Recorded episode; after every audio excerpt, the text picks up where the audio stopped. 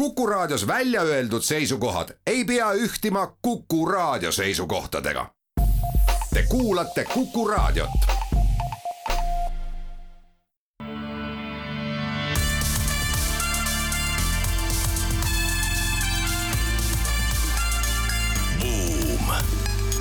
buumile annab hoogu SEB Pank tere päevast, head Kuku raadio kuulajad! on kolmapäev, kahekümne esimene detsember kahe tuhande kahekümne teine aasta.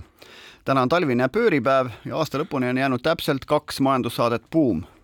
toome jätkuvalt heade raadiokuulajateni põnevaid majandus- ja ettevõtlusuudiseid laiast maailmast. tänased saatejuhid on Ott Pärna ja Raivo Vare me teame, et eestlased on autousku rahvas ja geograafilise asukoha tõttu peame ka ahju kütma. seepärast ei saa me esimese uudisena üle ega ümber sellest, mis hakkab saama maailmas nafta hindadega. seda Hiina suureneva tarbimise ja Venemaa sanktsioonidest kiratseva nafta ekspordi tõttu teise uudisena räägime me äh, äsja lõppenud äh, jalgpalli maailmameistrivõistluste foonil Kataris, sest see oli üks ettevõtmine Katari poolt, mis olevat maksma läinud kolmsada miljardit Te kuulsite õiget numbrit, kolmsada miljardit dollarit ja mida siis Katar selle eest lõpuks sai? kolmandaks räägime ühest vahvast ettevõtlusuudisest, nimelt olla Elon Muski eestveetava kosmosefirma SpaceX turuväärtuseks hinnatud juba sada nelikümmend miljardit dollarit. Äh, neljanda uudisena tuleb meil äh, rääkida ka sellest ja see on juhtimisuudisega seotud või juhtimisvaldkonnaga seotud, et ükskõik kui hea ei ole tehnoloogia, kõik ikkagi lõpuks töö tulemuses oleneb inimesest, selle kohta on uuring tulnud ja tänase majandusuudiste ploki eh, kulminatsiooniks on üks halenaljakas lugu või teadaanne laevanduse valdkonnast. Eh, räägime nimelt sellest, kuidas kokaiini salakaubaveo kartell tungis maailma suurima, suurimasse laevaettevõttesse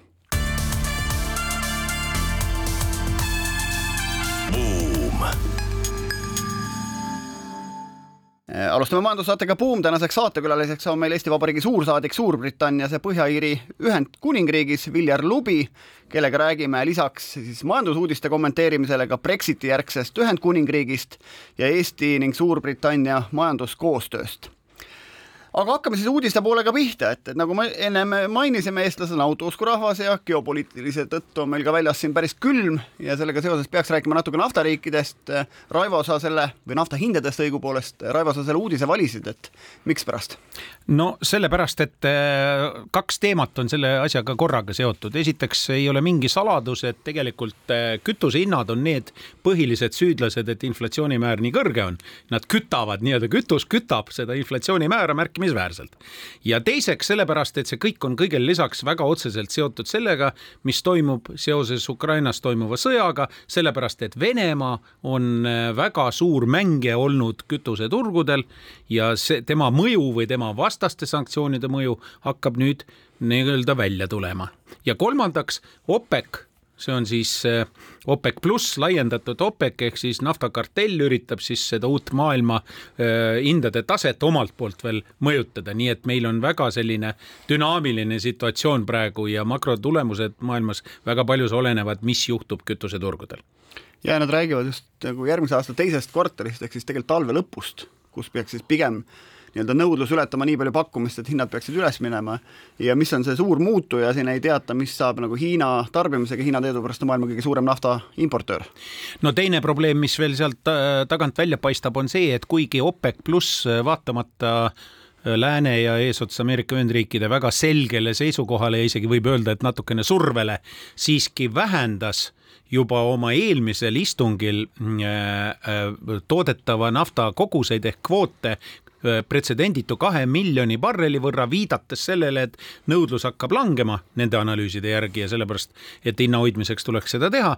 aga juhtus selline asi, et nad ei suuda seda kahte miljonit äh, isegi tegelikult äh, täita erinevatel tehnilistel põhjustel. ja tulemuseks on see, et nüüd see Vene faktor lisandub, õigemini sanktsioonide faktor Venemaa vastu, mis hakkasid viiendast detsembrist kehtima ja see ajas pildi veelgi segasemaks ja nüüd siis prognoositakse, et tegelikult nõudlus langeb mõneks ajaks, siis ta hakkab uuesti tõusma, tõuseb tegelikult äh, üle saja ühe koma kuue miljoni barreli päevas tasemele ja siis muidugi hinnad hakkavad uuesti üles ronima ja no kõige segasem on see olukord just nüüd tarbijal, kes ei suuda aru saada, et mis see hind seal posti otsas siis õigupärast olema peab. ja nagu me täna näeme, ka tehakse selliseid päris hulle kampaaniaid, et, et mingisugune selline kõik korraga, ma ei tea, kes see pihta hakkas sellega, aga langetati oluliselt hinda mingiks umbes paariks tunniks. Statoil või õigemini Circle K. aga mina läksin selle ohvriks, ostsin ka pool paagitäit, teine pool oli ennem täis, onju. et, et aga nii ta on jah, ja selles mõttes et ütleme, meie sellises äh, tarbimises kütuste hinna osakaal on hästi suur selle tõttu, et me oleme suhteliselt hajaasustatud maa, me sõidame palju autodega ja samamoodi kütame, et, et, et see on ka see põhjus, miks Eesti inflatsioon on eelmine aasta, ma ei tea, pea kakskümmend protsenti. no tegelikult on meil alles ees kõik see sellepärast ka veel siin põgusalt sellest on hakatud rohkem rääkima, et veebruarist alates hakkab kehtima sanktsioonirežiim lisaks Vene toornaftale ka sanktsioonid naftatoodetele ja naftatoodetega on nüüd selline lugu, et see, nad on juba praegu mingil määral defitsiidis Euroopas, sellepärast et ühtepidi Vene, Vene diislit liigub siia vähem ja teistpidi eh, naftautmisvõimsused Euroopas on kokku tõmbunud ja ei suuda Euroopa vajadusi katta. ja see eh, kardetavasti toob kaasa omakorda hinnasurve konkreetselt Euroopas just nimelt, sõltumata sellest, mis toimub veel toornaftaturgudel üleüldiselt, aga sellest me kindlasti räägime veel aga lähme siit edasi ühe maailma kõige suurema reklaamikampaaniaga, mis siis äsja kulmineerus Argentiina võiduga ja mille, mis läks maksma Katari rahvale ja selle maksid kaudselt kinni Katari gaasitarbijad Euroopast eh, siis kolmsada miljardit dollarit ja selle, selle kampaania eesmärk oli algusest peale tegelikult äh, ja seda äh, analüüsitakse Bloombergi materjalis, et Katar soovis nii-öelda pääseda maailma kaardile rohkem. On ju tegu tegelikult vägagi väikese riigiga, jah, ta on nii-öelda, seda kutsutakse võimukeskuseks gaasiturul, sest ta on üks suuremaid just vedelgaasi tootjaid üldse. aga, aga siiski on tegu väikese Araabia lahe riigiga ja, ja tegelikult kogu see projekt algas ju juba täna rohkem kui tosin aastat tagasi, kui, kui Katar otsustas minna nii-öelda maailma ennast näitama ja valis jalgpalli selleks ja siis raha üldiselt väga ei loetud. ja see summa, mida Ott äsja nimetas, see siis öeldakse, et see on kõige suurem kampaania hind, mis eales on maailmas ühe kampaania eest makstud ja nüüd siis arutletakse analüütikute poolt, et kas nad ikka said kogu raha eest endale seda feimi, seda ilu ja kuulsust ja tähelepanu. nojah, seda teemat võib igalt poolt nagu hakata urgitsema, aga põhimõtteliselt jah, nagu Katar on üks maailma rikkamaid riike või noh, peaaegu linnriike, eks, mis on hästi ühes kõige kuumemas maailma piirkonnas ta püüab järgi saada siis Ühendemiraatide Dubaile ehk siis noh, nii nagu ma ei tea, Hongkong ja Singapur võitlevad siin Aasias, Ida-Aasias on ju, ja Kagu-Aasias, siis siis Dubai ja Katar on kaks sellist äh, noh, üks on, üks on nagu linn, teine on siis nagu riik, et, et nad on suhteliselt sarnase suurusega, seal kolme miljoni inimese kandis. muuseas, kohalikke on Kataris mingi kümnendik nendest, kes seal tegelikult elavad. et, et ja noh, päris hea film oli, ma kuskilt telekast vaatasin mingi aeg tagasi Katarist, kus seal noh, püüad ka ajalugu säilitada, seal nagu pistrikega püütakse tuvisid ja mingid võistlused toimuvad ja mingi peaauhind on suur, suur mingi Toyota Jeep ja sellised asjad, et et ühesõnaga jah, see võidujooks seal käib, ilmselgelt oligi selline mainekampaania, noh, see hind kolmsada miljardit on ikka kolossaalne, ma siin vaatasin nagu üleüldse nagu mingite olümpiamängude selliste asjade hindasid, et siin nagu ütleme, esimesed olümpiamängud Kreekas läksid maksma kolm miljonit seitsesada tuhat mingit ühikut, mis iganes ühik siis seal oli, eks aga sealt edasi üle ütleme sellise miljon dollari ümber olid, olid, olid äh, nagu võistluste hinnad, olümpiamängude hinnad, eks. ütleme siin suureks nad läksid kuskil siin noh, ütleme noh, vaatame siin, Sotši on päris, ütleme noh, see viiskümmend üks miljardit. ja see oli kõvasti üle makstud, kusjuures see on tänaseks ei ole mingi saladus, et raisati tohutult ja altkäemaksudeks läks ja nii edasi. ja, ja, ja noh, üks, noh, kaks suurt poolt on nendel mängudel, üks on need, mis tehakse suht, suht targalt, ehk siis arendatakse samal ajal linna, kui siis tehakse neid mänge. ühed sellised on Barcelona suveolümpiamängud, teised sellised on Londoni olümpiamängud. Tallinn on ka muuseas näide. just, just, Pirita tee, olümpiahotell, me saame linnahall, eks. ja kurikuulus linnahall ja, ja peapostkontor ja mitmed muud objektid. ja, ja aga ka London, Ida-Londonit arendati välja ju tegelikult olümpiamängudega koos, metroo, köisraudtee. minu arust ainuke asi, mis sealt minema viidi pärast olümpiamänge, oli trekk ja, ja tõsi küll, üheksakümne miljoni dollari eest ehitati ringi ka staadion ehk siis kergejõustikustaadionist tehti jalgpallistaadion no aga see jäi vähemalt staadioniks, aga nüüd Katar on ikka tohutult raisanud, üks staadion üldse pakitakse kokku. Äh, sada kaheksakümmend tuhat istet viiakse kolmanda maailma riikidesse, kingitakse ära lihtsalt äh, äh, spordiobjektidele. kuus ülejäänud staadioni, mis seal oli veel, ehitatakse ümber sisuliselt kaubanduskeskusteks, hotellideks, mis iganes, aga mitte staadioniteks isegi, eks ole. jalgpall on ju Kataris endas ka olematu, ei õnnestu isegi jalgpalli jaoks seda ümber ehitada, sisuliselt ainult üks peastaadion jääb alles ja, ja see tohutu nii-öelda äh, välja ehitatud spordiinfrastruktuur, kõik läheb uuesti noh, ütleme niimoodi, et äh, raisatakse sisuliselt ära, erinevalt nüüd sellest näitest, mis sa tõid Londonist või ka olgu kasvõi Tallinnast, kus sai linn ka sellest rohkem kasu. jah, üheksakümne neljandal aastal toimusid Ameerika Ühendriikides maailmameistrivõistlused jalgpallis, hind oli viissada miljonit dollarit ja nüüd me räägime siis nagu kolmesajast miljardist dollarist, eks. et, et aga, aga samas eelmised mängud Mosk- või noh, Venemaal kaks tuhat kaheksateist ainult, ainult kuusteist miljardit et saab ka odavamalt, aga muidugi noh, tõsi, nad ehitasid seda Katari linnana ka, et, et seal ei saa öelda, et ainult nagu staadione ehitati. no aga selle kohta eksperdid jälle ütlevad, et näiteks kasvõi metroo või mitmed muud infrastruktuuri objektid on tegelikult sellised asjad, mida nagunii oleks ehitatud. ja ainukene eelis, mis seoses nende võistlustega tekkis, oli, et oldi sunnitud tähtaegades kinni pidama ja tehti need asjad ära, mitte nii, nagu tavaliselt kipuvad nad venima. et see oli see põhiline võit. aga rahulolu ei ole seal ka märgata, pealekauba olid ju äh, negatiivsed kampaaniad ka sellega seoses, näiteks see imagoloogiline miinus, mis tekkis seoses võõrtööjõu kasutamisega, ekspluateerimisega sellel, nendel tohututel ehitustel väga suurte surmanumbritega ja, ja, ja muu taolisega, nii et selles mõttes ei ole see ka võib-olla kõige õnnestum, öeldakse, et ikka natuke raisati üle reklaamikampaania mõttes. no rääkimata sellest, et kogu see asi jahutati maha, et sa teed ikka maailma kõige kuumemas kohas ja siis hakkad konditsioneeridega. kõik staadionid olid konditsioneeritud. staadione jahutama ja me teame, kui, kui, kuskil Araabias või Aasias jahutatakse, siis tehakse seda viieteist kraadi peale, sa pead kampsuni selga panema, et seal sees olla. ehk siis tohutu küttekulu ka sinna juurde. aga noh, artiklid ütlevad seda, et, et riik kuigivõrd paremaks läks, liberaalsemaks, äh, selles mõttes, et ega, ega ta mööda külge maha ei jooksnud, tõesti, hind oli suur ja kes tahab arvutada, siis siis väidetavalt olla kohal käinud üks koma kaks miljonit fänni, et jagage siis kolmsada miljardit ühe koma kahe miljoni fänni peale, saate aru, palju siis näohind tuleb, et, et, et mitte väike miljonites. Aga teeme siin väikese pausi ja tuleme saatega tagasi.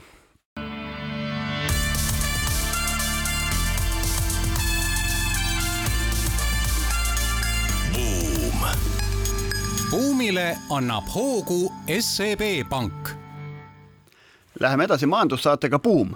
me siin omakeskis oleme arutlenud, et Elon Musk'i uudiseid me edaspidi uudiste rubriigis ei kommenteeri, et paneme nad siis naljauudiste rubriiki, et see on nagu natuke nagu Edgar Savisaar, et ükskõik, mis tast räägitakse, põhiline, et räägitakse. igal juhul Twitteri epopea küll kandub sellesse valdkonda. ja, ja noh, vend tegi Twitteris polli, et, et kas ta peaks oma ametis jätkama või mitte, vastus oli, et ei peaks ja siis lubas ameti maha panna, aga ainult siis, kui leiab uue lolli, kes sellesse ametisse tuleb, et, et kes selleks klassifitseerub, see on paljuski Elon Musk'i või millal on tema enda otsustada.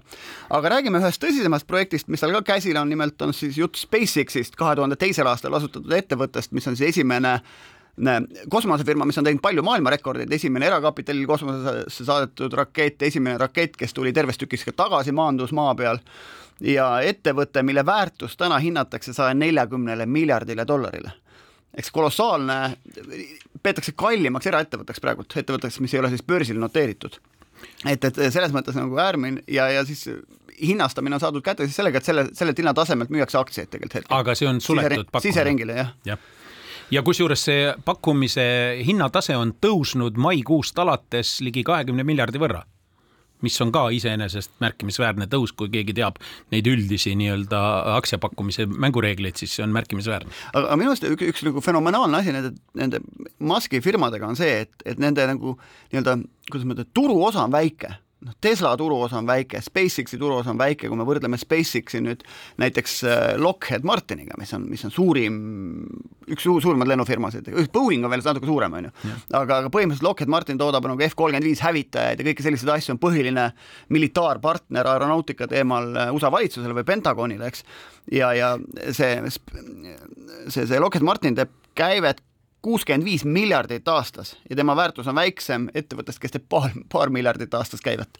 et selles mõttes, et Elon Musk sellepärast ilmselt ka selle Twitteri ostis, et tal on lihtsalt vaja pildis olla, sest selle pildis olekuga nagu inimeste mingisugune usk tema firmadesse on on ebareaalselt suur ja seetõttu on need väärtused üleval. ometi usk aeg-ajalt ka väheneb, eks ole, Tesla väärtus on siin kukkunud mingisugune viis või kuuskümmend protsenti ja mees ei ole enam maailma rikkaim mees.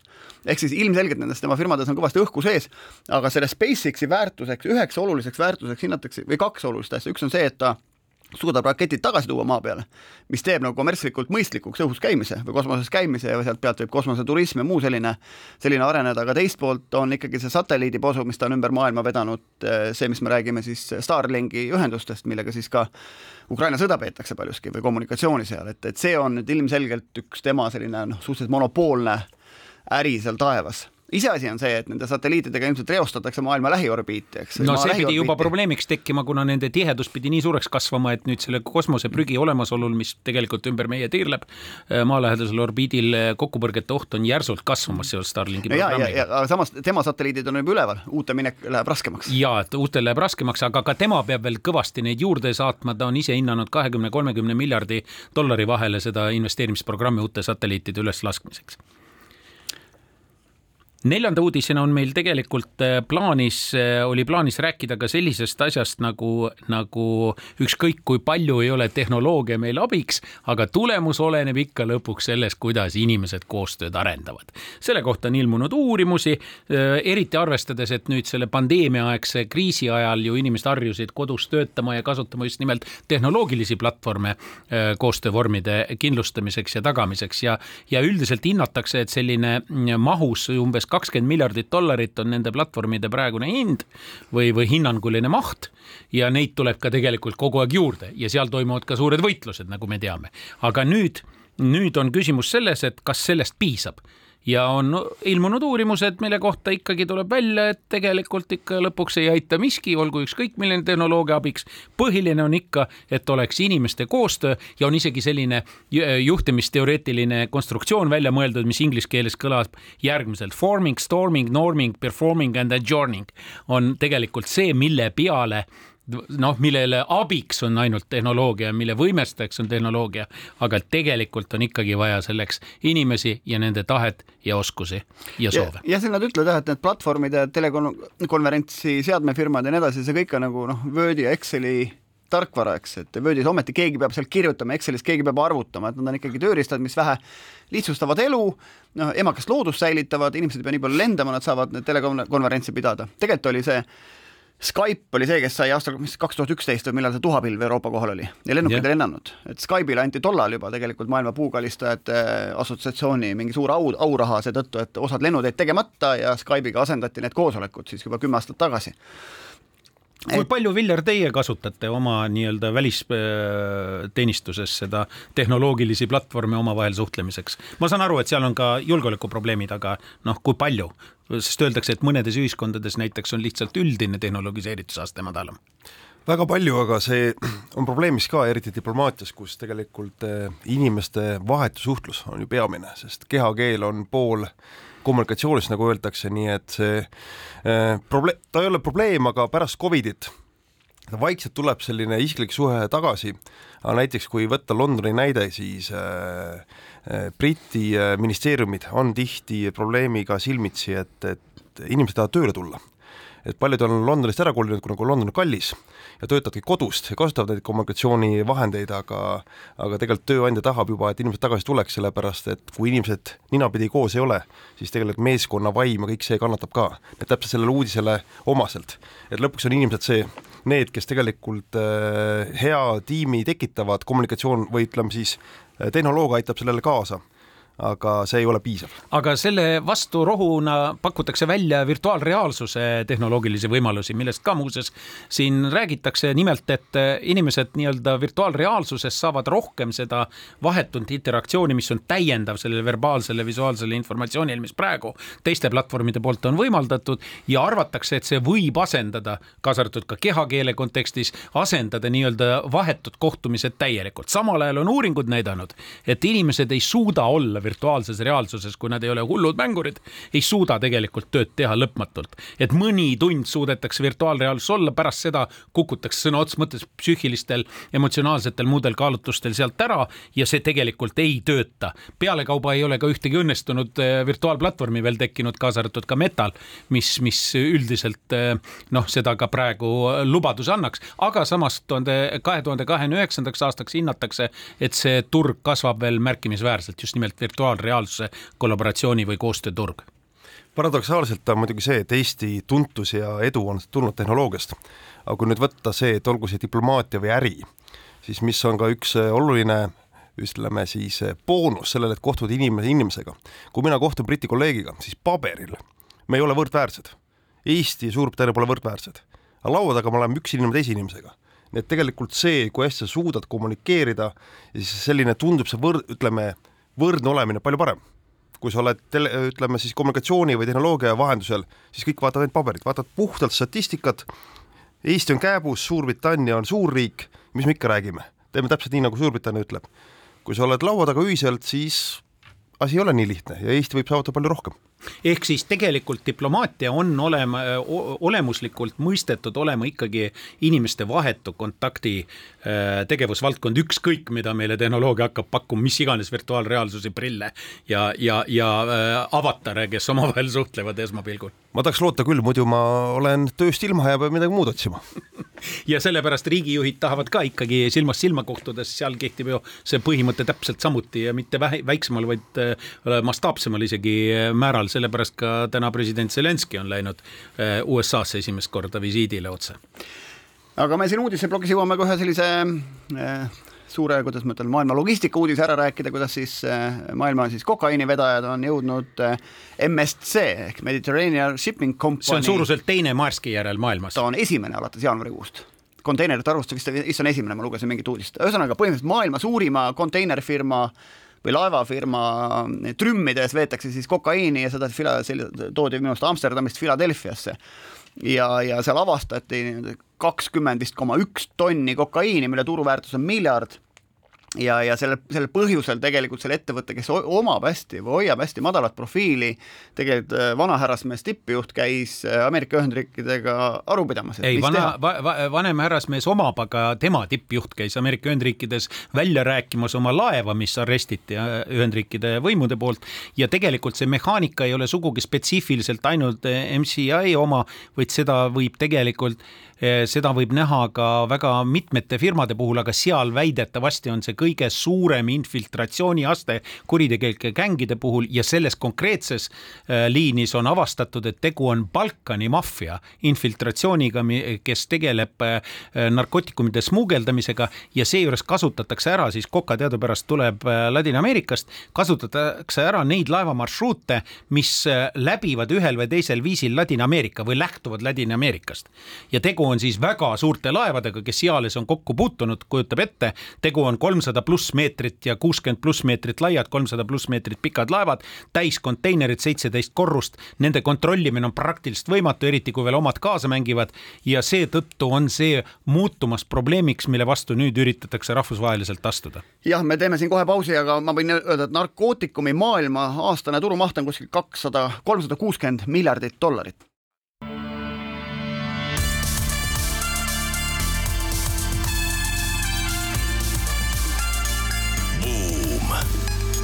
buumile annab hoogu SEB Pank.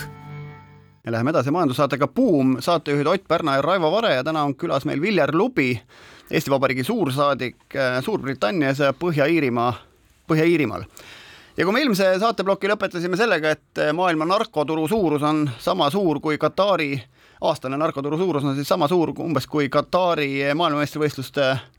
Hind jalgpallis, siis siit jätkame edasi Brexitiga ja Brexiti järgsete mõjudega Ühendkuningriigi majandusele. ja kui jõuame, siis saate viimases plokis räägime ka siis Eesti ja Suurbritannia majanduskoostööst. et Viljar, kui sulle sõna anda, et, et kuidas siis see Brexit on mõjunud äh, inglaste usule tuleviku osas ja, ja reaalsele majandusele? Brexit on endiselt väga lõhestav teema äh, Briti ühiskonnas ja Briti poliitikas äh, poliitikas võib-olla enne, sellepärast et praegune siis äh, Tooride valitsus, kelle peaminister just äsja Eestit ka külastas esmaspäeval, et nema, neil on väga suur ülekaal parlamendis, mis siis aastal kaks tuhat üheksateist detsembris, kolm aastat tagasi, Boris Johnson võitis just loosungiga, et teeme selle Brexiti ära ja teeme nii, et see on, Brexit on äh, Suurbritanniale kasulik äh,. Nii et poliitilises mõttes, demokraatia mõistes mandaat valitsusel on tegeleda Brexitiga nii palju kui võimalik aga peale on tulnud vahepeal palju globaalselt väga suuri olulisi asju, on see Covid, on see eh, sõjatingimused samamoodi, mis on maailma majandus oluliselt muutunud, nii et tegelikult see, see ühiskond ja majandus ja riik on nii palju arenenud, et tegelikult valitsus peaks kaasa tulema. miks, miks ma seda ütlen, et Brexiti puhul on niimoodi, et Briti majandus on praegu eh, OECD hinnangul eh, kõige kehvemas seisu majandus G kahekümne seas, ainult Venemaa majanduse perspektiive peetakse hullemaks. nii et äh, pilt ei ole ilus, Briti majandusel on palju raskusi makromajanduse mõttes, korraga on juhtunud asjad, kus on ajaloo kõrgeim maksutase, ajaloo kõrgeim võlakoorem, ajaloo kõrgeim, ajaloo kõrgeim, ütleme siis viimaste perioodide kõrgeim inflatsioonitase. neljakümne ühe aasta kõrgeim. jah, ökonomisti andmetel. ja, ja tohutu, tohutu äh, siis ka eelarve puudujääk mis siis kukutas ka tegelikult eelmise peamise Liis Trassi. nii et nendes tingimustes, kus sellised tegelikult riigil puuduvad head hoovad, kuidas majandust stimuleerida, Äh, Brexiti tingimustes äh, kõige suurem mure minu hinnangul on see, et valitseb endiselt teadmatus, ettevõtted teatavasti vajavad mingit selgust, kõik ootavad, mis on uus reeglistik, et mis alustel siis hakatakse kauplema peamiste kaubanduspartneritega, Põhja-Iiri protokoll hoiab seda kõike nagu pantvangis, kõik arvavad, et mingid muudatused tulevad, mis need on, ei tea nii et kui vaadata ka Eesti poole pealt, siis meie ettevõtted ka ega väga ei julge Suurbritanniasse minna, sellepärast nad ootavad, et mis on see uus reeglistik ja sinna las lähevad.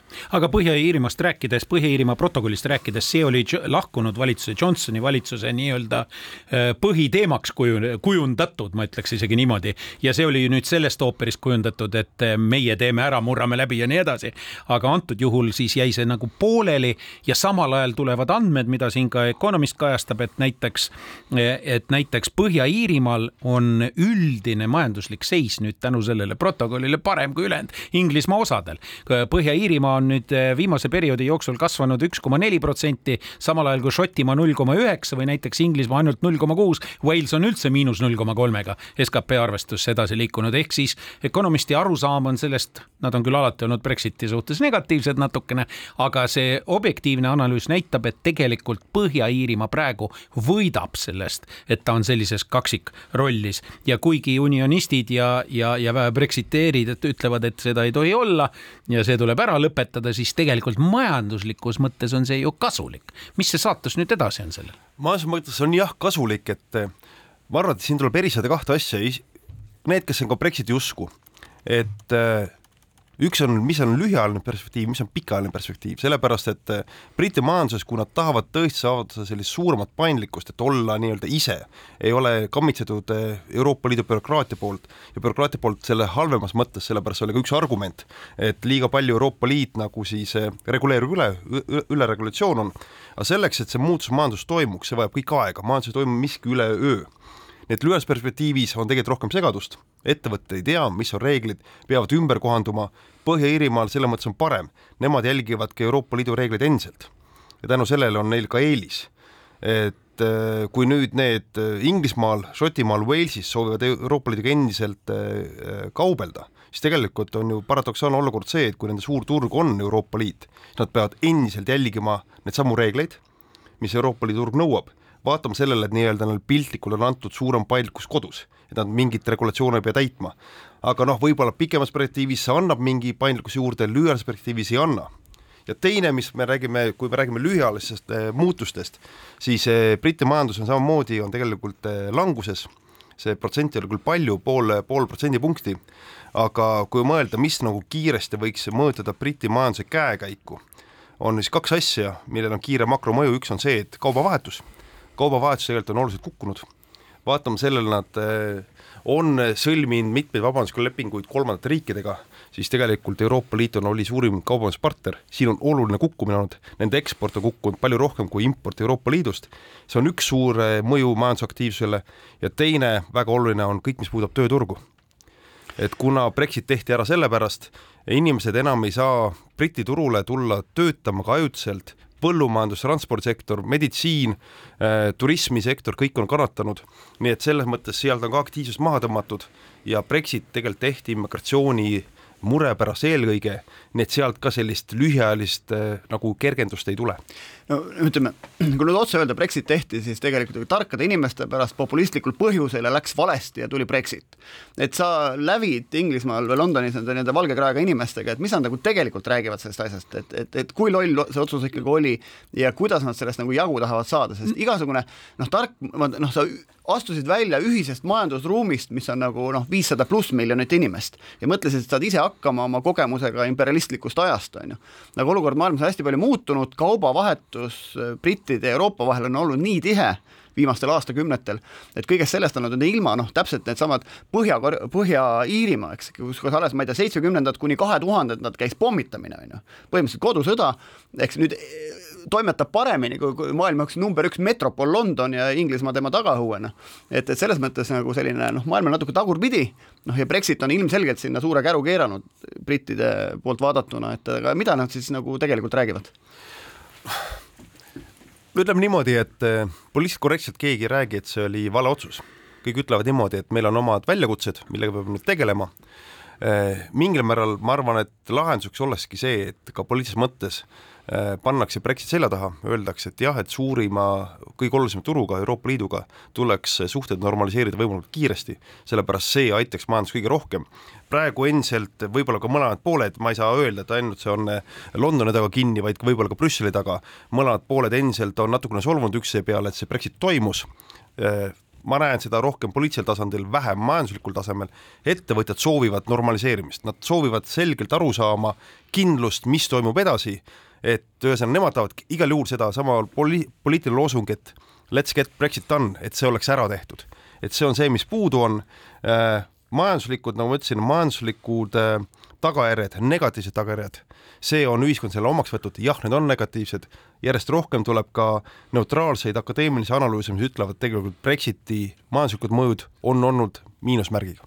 No ja, ja kui ma talle otsa vaatan, tegelikult noh, kuidas ma ütlen, et let's get it done, noh, mida sa seal done'id, kui sa oled väljas tegelikult inimeste, kapitali, kaupade, teenuste vabast liikumisest, sa oled praktiliselt kogu majanduse vereringest tegelikult väljas. nüüd küsimus on see, et kas sa saad väljas olles sama diili, mida on võib-olla saanud Norra, et sul tegelikult ei ole tolle, on ju et kui need tollid sinna vahele tulevad, ega see kaubandus nii aktiivne kindlalt ei ole tulevikus. Financial Times tegi tegelikult ühe video, sellise lühikese filmi, kus ta võttis ettevõtjad ette ja lasi neil rääkida, kuidas nemad päris ja need ei olnud mitte suurettevõtted, kellel on rohkem võimekusi kohanemiseks, vaid just nimelt nii-öelda keskmised ja väiksemad äh, middle and small cap ettevõtted, kes tegelikult olid nagu Euroopa turuga seotud ja kes nüüd elavad väga raskeid aegu läbi ja osa neist lausa kolivad Euroopa mandrile ära.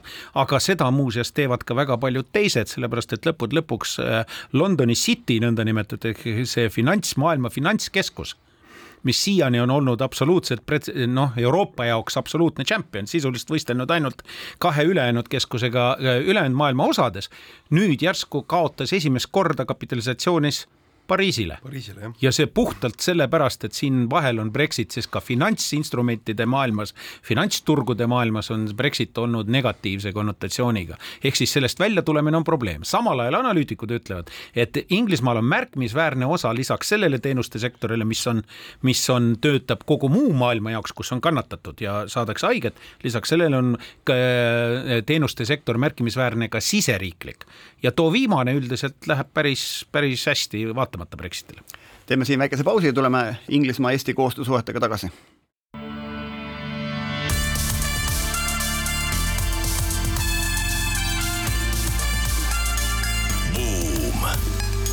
buumile annab hoogu SEB Pank Läheme edasi majandussaatega Buum, saatejuhid Ott Pärna, Raivo Vare ja külas meil Viljar Lubi äh, Eesti suursaadik Suurbritannias ja Põhja-Iirimaal. et kui me ennist rääkisime Brexitist ja selle mõjust brittide majandusele ja mina olen kuulnud seda, et, et Londonis on raske leida ühte inimest, kes ütleks, et Brexit oli mõistlik mõte. et, et, et selles mõttes ähm, karm teema tegelikult nüüd lahendada, kui see suhteliselt maarahva toetusel see otsus seal kunagi tehti. aga see selleks, et, et siit nüüd edasi minna, siis kindlasti on sellel ju kuskil ka võitjad. et räägiks paar sõna sellest, et äh, ma ei tea, kas Iirimaa on või Dublin on võitnud Londonilt teatud tegevust endale, noh, Iirimaa on jätkuvalt Euroopa Liidus, eks.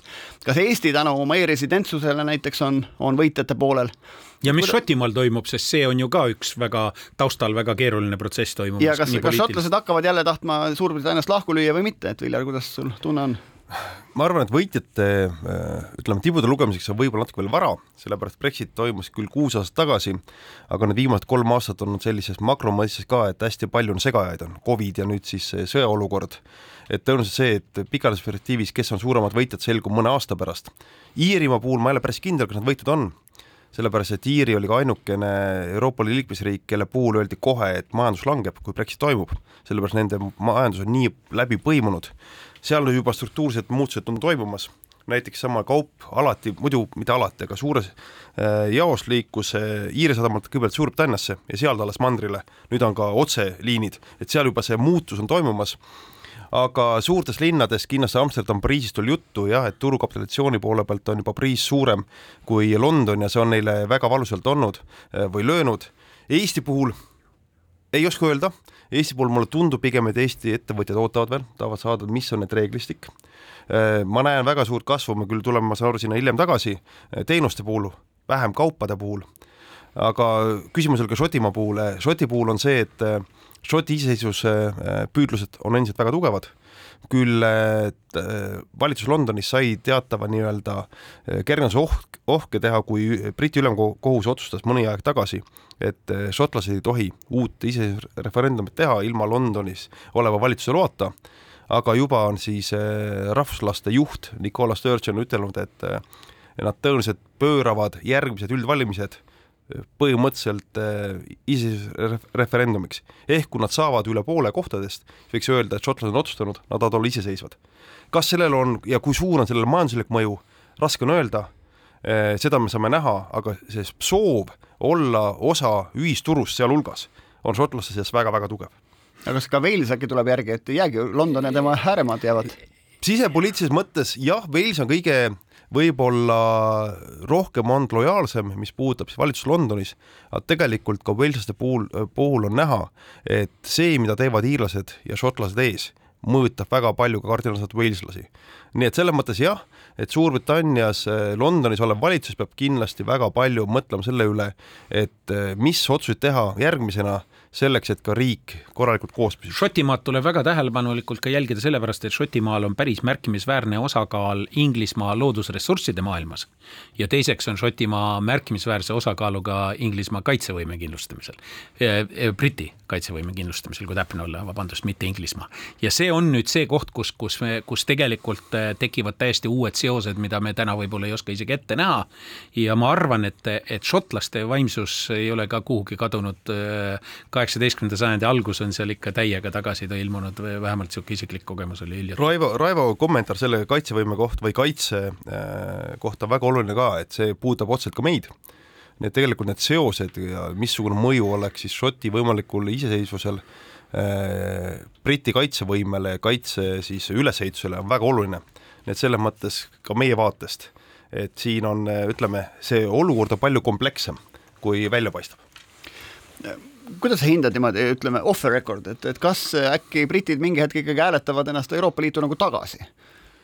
Äh, just see, et kui siseriiklik surve nende Šotimaade asjade lahkumisega läheb nii suureks, et seda ei juhtu äh, lähiajal. ma tahaks öelda, et see ei tule kindlasti teemaks lähima kümne aasta jooksul kindlasti. Ka praegu opositsioonis olev ja tõenäoliselt äh, järgmised valimised võitev laboristlik partei ja selle liider on ütelnud, et see ei ole kindlasti praegu poliitilises agendas. tõenäoliselt see ei ole ka mõistlik kohe teha selles mõttes, et kui referendum on otsustatud nende väga põhimõttelised asjad, et kas see tuleb tagasi pikemas perspektiivis, ei saa välistada, aga lühiajalise või keskpikas perspektiivis ma pean seda küll väga, väga ebatõenäoliseks. aga kui see perspektiiv on nii-öelda vähemalt hoomatavas tulevikus on selline, siis kuidas nüüd peaks Eesti ettevõtjad selles olukorras käituma, arvestades, et see segadus mõnda aega veel kestab meil ei ole võimalik seda kindlust ja selgust veel mõnda aega saavutada. et noh, et, et mis siis teha, mida, mida soovitaksid, kuidas peaks toimima? ma arvan, kõik see, mis puudutab eh, poliitilist dimensiooni, Euroopa Liit, mitte Euroopa Liit, kas keegi eraldub või ei eraldu, sellele ei peaks väga keskenduma. Eh, peaks tõesti keskenduma sellele, et majandusreeglid saaks paika see, et tegelikult see Põhja-Iiri protokoll saaks lahendatud, see on väga oluline, siis ka kõik muud majandusreeglid ilusti äh, settivad ja, ja liiguvad oma kohale. Eesti ettevõtja peaks rohkem vaatama ikka selle turu poole, see turg on suur, see turg on rikas, kui nüüd vaadata ka see Suurbritannia koosseisu, siis ju tegelikult Inglismaa sellest on kuuskümmend miljonit teised kolm, annab see lisa kümme miljonit, nii et tegelikult põhiturg turumahu mõttes on äh, Suurbritannia või Inglismaa nagunii ja see, mis ma enne mainisin, et ma, ma olen näinud, et viimasel ajal on väga kiire kasv just teenuste puhul olnud. et teenuste puhul on ka see, kus võib-olla need, see reeglistik mõjutab natuke vähem kui kaupade puhul. nii et selles mõttes ma väga pessimistlik tulevase suhtes ei ole, vastupidi, igal juhul julgustan Eesti ettevõtjat eh, Suurbritannia turu poole vaatama, saatkonna poolt aitame kaasa nii palju, kui oskame. Ja aitame palju, see majandusaktiivsust juba selle aasta pealt on näha, et see on kasvanud võrreldes aasta-kahe tagusega, nii et ma usun, et selline äh, uus normaalsus on juba tekkimas ka majandussuhetes aga see võtab natukene aega, kujunemine veel. aga mis Eesti firmad, kes täna on Londonis, mis nad räägivad, mis Wise'i kontor räägib näiteks? paljud, paljude ettevõtete puhul ongi niimoodi, et Eestis on või Londonis, eriti Londonis, on väga mitmed Eesti suured ettevõtted ka kohal, jah, Eesti ükssarvikud, nendel pea, peaaegu kõigil on suured kontorid Londonis, aga ka LHV näiteks pangana on üks viimane eh, traditsiooniline pank, kes üldse City's on oma kontori avanud mitte ainult meie regioonist, vaid üldse globaalselt. nii et eh, meie ettevõtted näevad seal eh, võimalusi küll.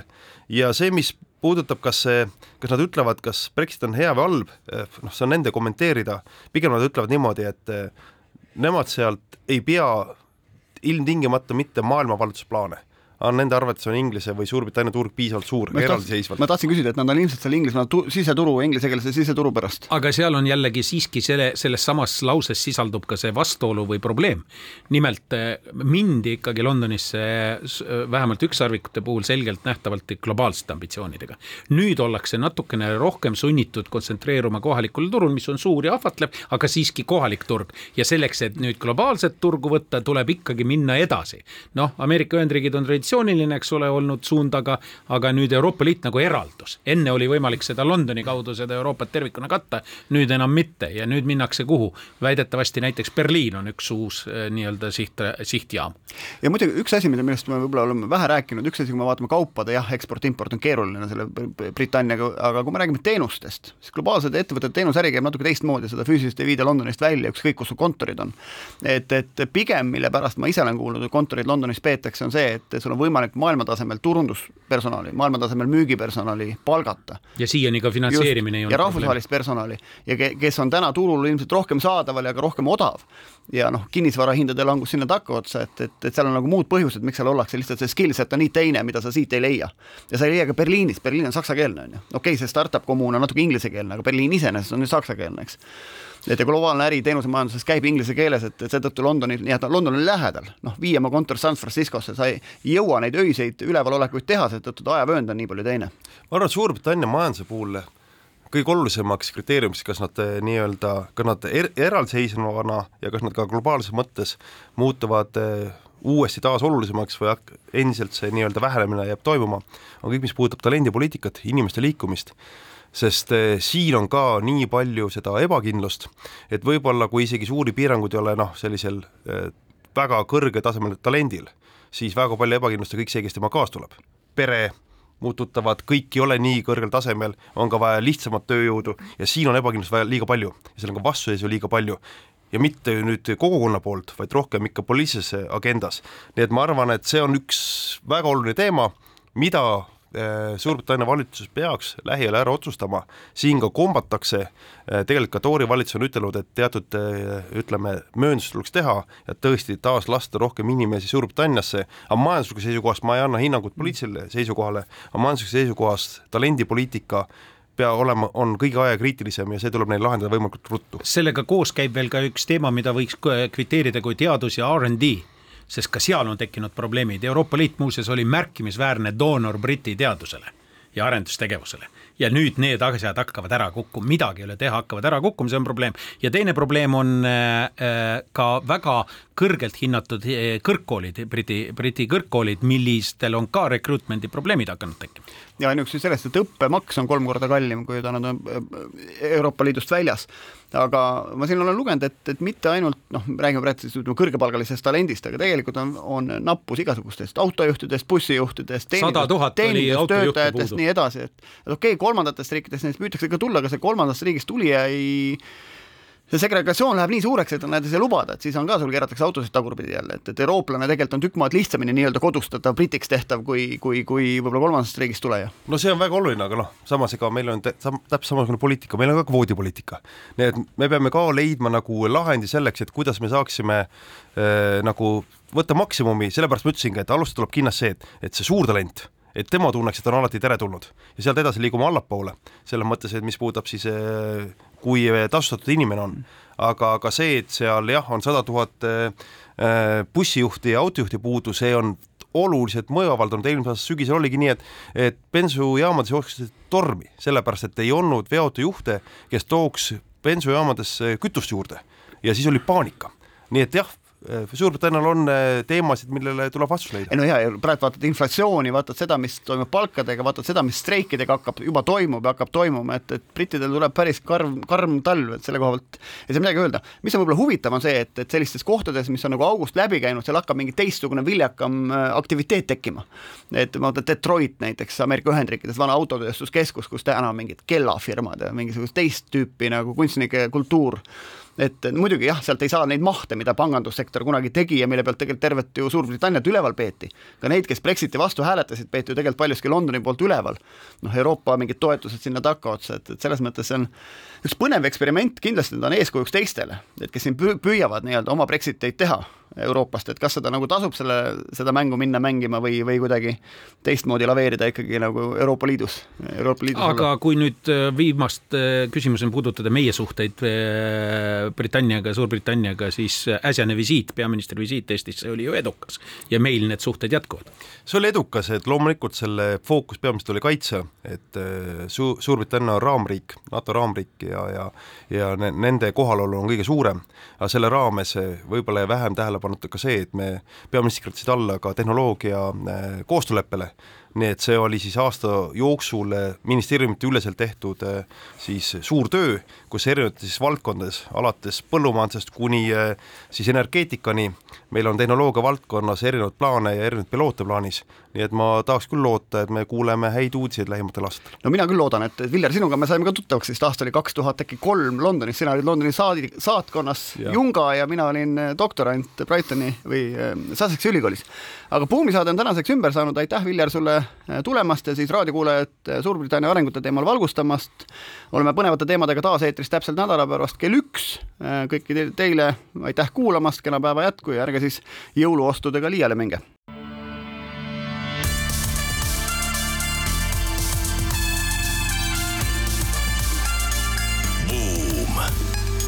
buumile annab hoogu SEB Pank